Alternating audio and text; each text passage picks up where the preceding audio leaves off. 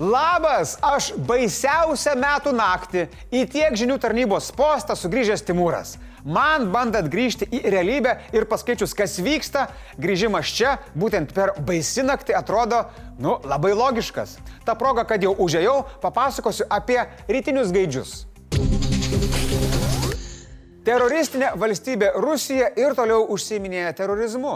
Beveik visa Ukraina šį rytą kėlėsi su oro pavojaus sirenomis. Pirmą rytiniai gaidžiai, kalbu apie rusų kariuomenę, smogė į šalį paleisdami 40 raketų.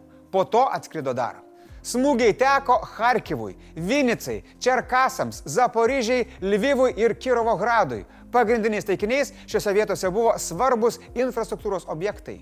Kliuvo ir energetikos infrastruktūrai ir Dnipro bei Pavlogrado miestuose. Po šių smūgių šalyje pradėtas taikyti avarinis elektros energijos tiekimo nutraukimas. Sostinėje energetikai stengiasi atkurti elektros energijos tiekimą po raketos pataikymo į objektą, iš kurio elektra aprūpinama apie 350 tūkstančių būtų. 80 procentų Kievo gyventojų liko be vandens tiekimo. Rezultatai galėjo būti dar dramatiškesni, bet Ukraina saugo oro gynybą. Kaip pranešama, šalies gynėjams pavyko numušti 44 Rusijos sparnuotasias raketas. Iš viso teroristai jų paleido daugiau kaip 50. Kalbant apie sunaikintus dalykus, Ukraina skelbia, kad praėjusią parą nukovė 620 rašistų. Gaila, kad ne visi jie reinkarnuosis į naują baltą ladą. Tęsant apie numuštas raketas, vienos tokios nuolaužos nukrito Moldovos teritorijoje.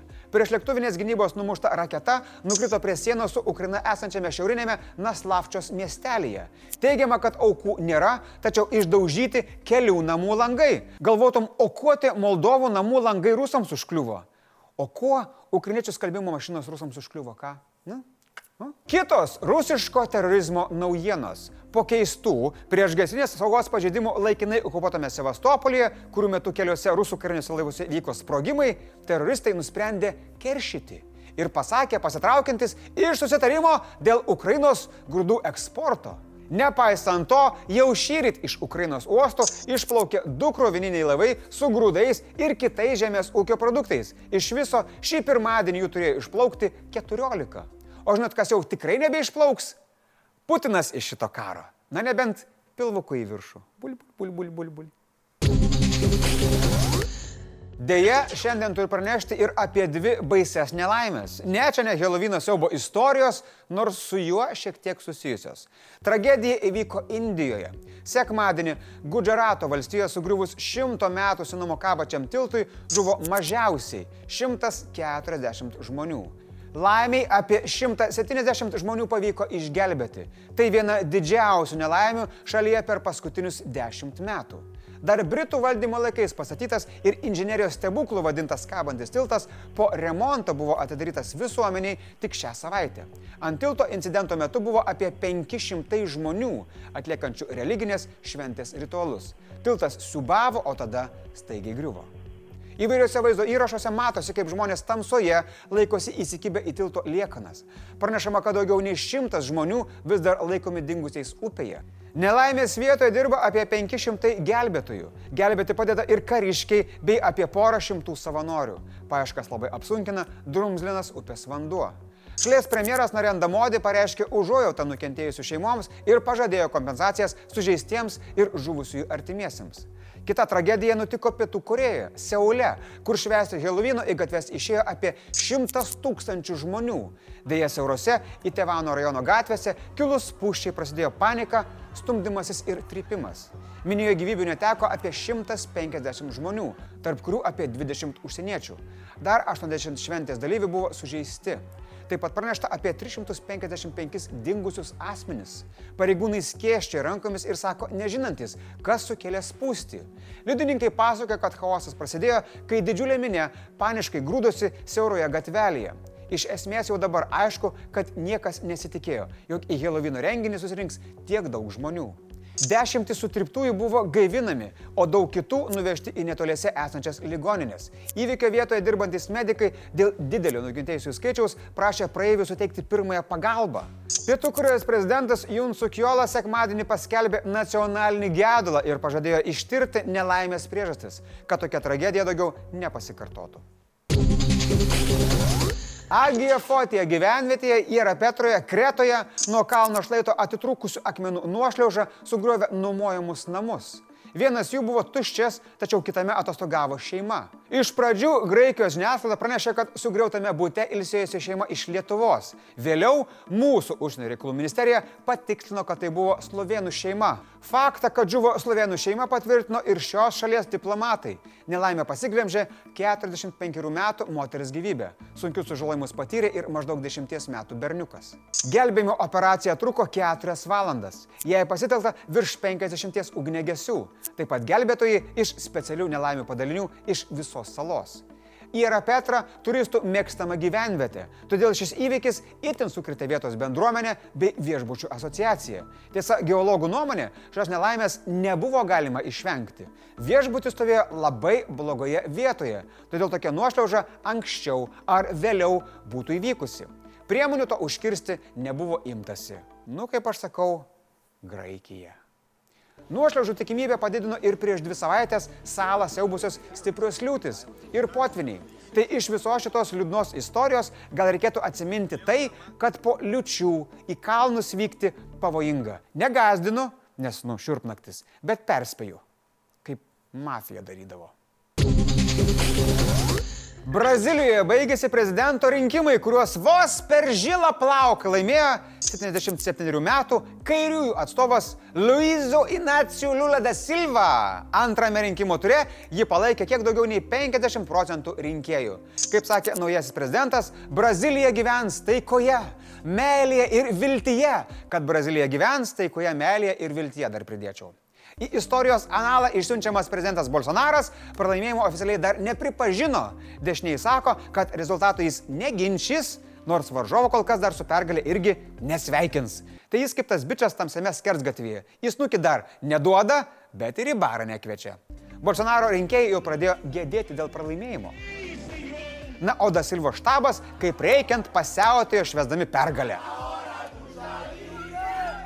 Ar tai virto į brazilišką karnavalą su nuogybėmis, dėja, nepranešama. Tikrai dėja.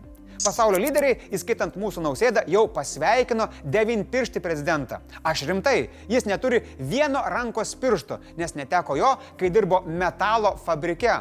Kurio piršto? Sakykime taip, kad pas Anglijos karalių arbatėlės jam neatneštų, kad problemų mažiau būtų. Rinkimuose netruko dramos ir nemenkų apsižodžiavimų. Lula da Silva savo varžovą pavadino kanibalų, pedofilų ir mažųjų diktatoriumi. Nunais. O Bolsonaras atgal oponentą nekartą išvadino vagimi ir kaltino sudarius sutartį su šetonu. Tai va irgi nais. Na, negaliu nieko pakomentuoti dėl kanibalizmo ir pedofilijos, tačiau vagies epitetas naujam prezidentui klijuotas neatsitiktinai. Lula da Silva jau vadovavo Brazilijai dvi kadencijas nuo 2003 metų. 2017 jis buvo nuteistas devyniems metams kalėjimo už korupciją, tačiau po ketverių metų kaltinimai buvo atšaukti. Iš principo, jums gali šie rinkimai ir nerūpėti, jei ne viena maža smulkmena, o jei tiksliau Amazonės miškų dydžio smulkmena. Bolsonaro prezentavimas pasaulio plaučiais vadinamos atogražų miškus privedė prie išnykimo ribos. Nes 2019 atėjęs į valdžią jis panaikino daugybę gamtosaugos suvaržymų ir leido aktyviau kirsti medžius. Na tai gal naujasis prezidentas pagaliau labiau mylės gamtą negu pinigą. Na, nežinau, ką jūs labiau mylit, bet man tai žinokit nesvarbu. Svarbiausia, kad va dabar šitam video paspaustumėte like. Reikia, reikia, spauskit, spauskit. Ačiū labai. Blitz naujienos. Vilniuje viešintis Graikijos premjeras Kirjakos Mitotakis apkaltino Turkiją keliant įtampą Egėjo jūros regione. Pasak jo, revizionistinė retorika yra nereikalingas įtampos šaltinis, ypač tarp dviejų NATO sąjungininkių. Taip pat jis palaiko idėją siekti Rusijos atsakomybės už nusikaltimus Ukrainoje, bet tiksliai nenurodė, ar palaikytų siūlymą kurti specialų į tribunolą Rusijos vadovams. Taip kad sakau, Graikija. Šanhajaus Disney tapo naujausia garsia vieta, kuri parko viduje įkalino savo lankytojus dėl griežtos Kinijos nulinės COVID politikos. Žmonės nebus išleidžiami iš pramogų parko, kol neparodys neigiamo testo rezultato, tai čia gali būti ir amžinybė. Prieštaringai vertinama Kinijos politika įvairiausiose vietose jau spėjo įkalinti milijonų žmonių. Filipinus siaubusios audros aukų skaičius išaugo iki 98. Yra mažai vilčių rasti išgyvenusiųjų labai nukentėjusiose vietose. Kiek daugiau nei pusė šių gyvybių pasiglemžė potviniai ir nuošliaužų sukelti atogražų audros nešamos markaus lietaus. Ir primenu, kad šią naktį yra baisiausia metų naktis Helovynas. Kas čia beldžia? Gal aš? Ne, ne aš. Ašgi per televizorių kalbu. Pažiūrėkite True Crime dokumentiką apie serijinį žudiką Jeffrey Dahmer arba linksmą filmą šeimai Hokus Pokus 2. Ir nors laisvadienis, sustiksim rytoj. O gal ne? O gal sustiksim? Ha, tiek žinių pažiūrėkit. Arba laikykitės ten. Jei šiandien Helovyną ruošęs švęsti ramiai, tai linkiu, kad vad kažkaip taip atrodytų.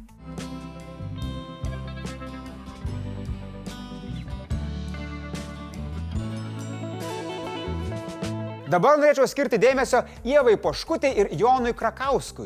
Ieva, tavo prašytas akmenukas ir Jonai tavo užsakytas ženkliukas jau laukia pas laisvės namų administratorę. Ateikit, pasimkit. O visi kiti, kurie norėjot mane apkabinti ar kitą ten veiklą užsimti, kaip prašė, žinokit, kad jau esu pasiruošęs viską priimti.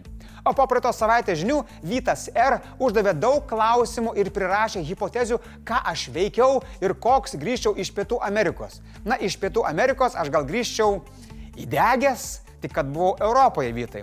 O tai, ką atradau, žinok, tai yra taip stipru ir taip gilu, kad keliais žodžiais net pasakosiu. Tuo tarpu Daiva Butkienė, reaguodama į Silvijos klausimą apie Sobčiak atvykimą į Lietuvą, sako, įsileidome Trojos arklį. Na, dėl Trojos nežinau, bet dėl to arklio tai žinai! Šiandien tiek. Iki rytojaus.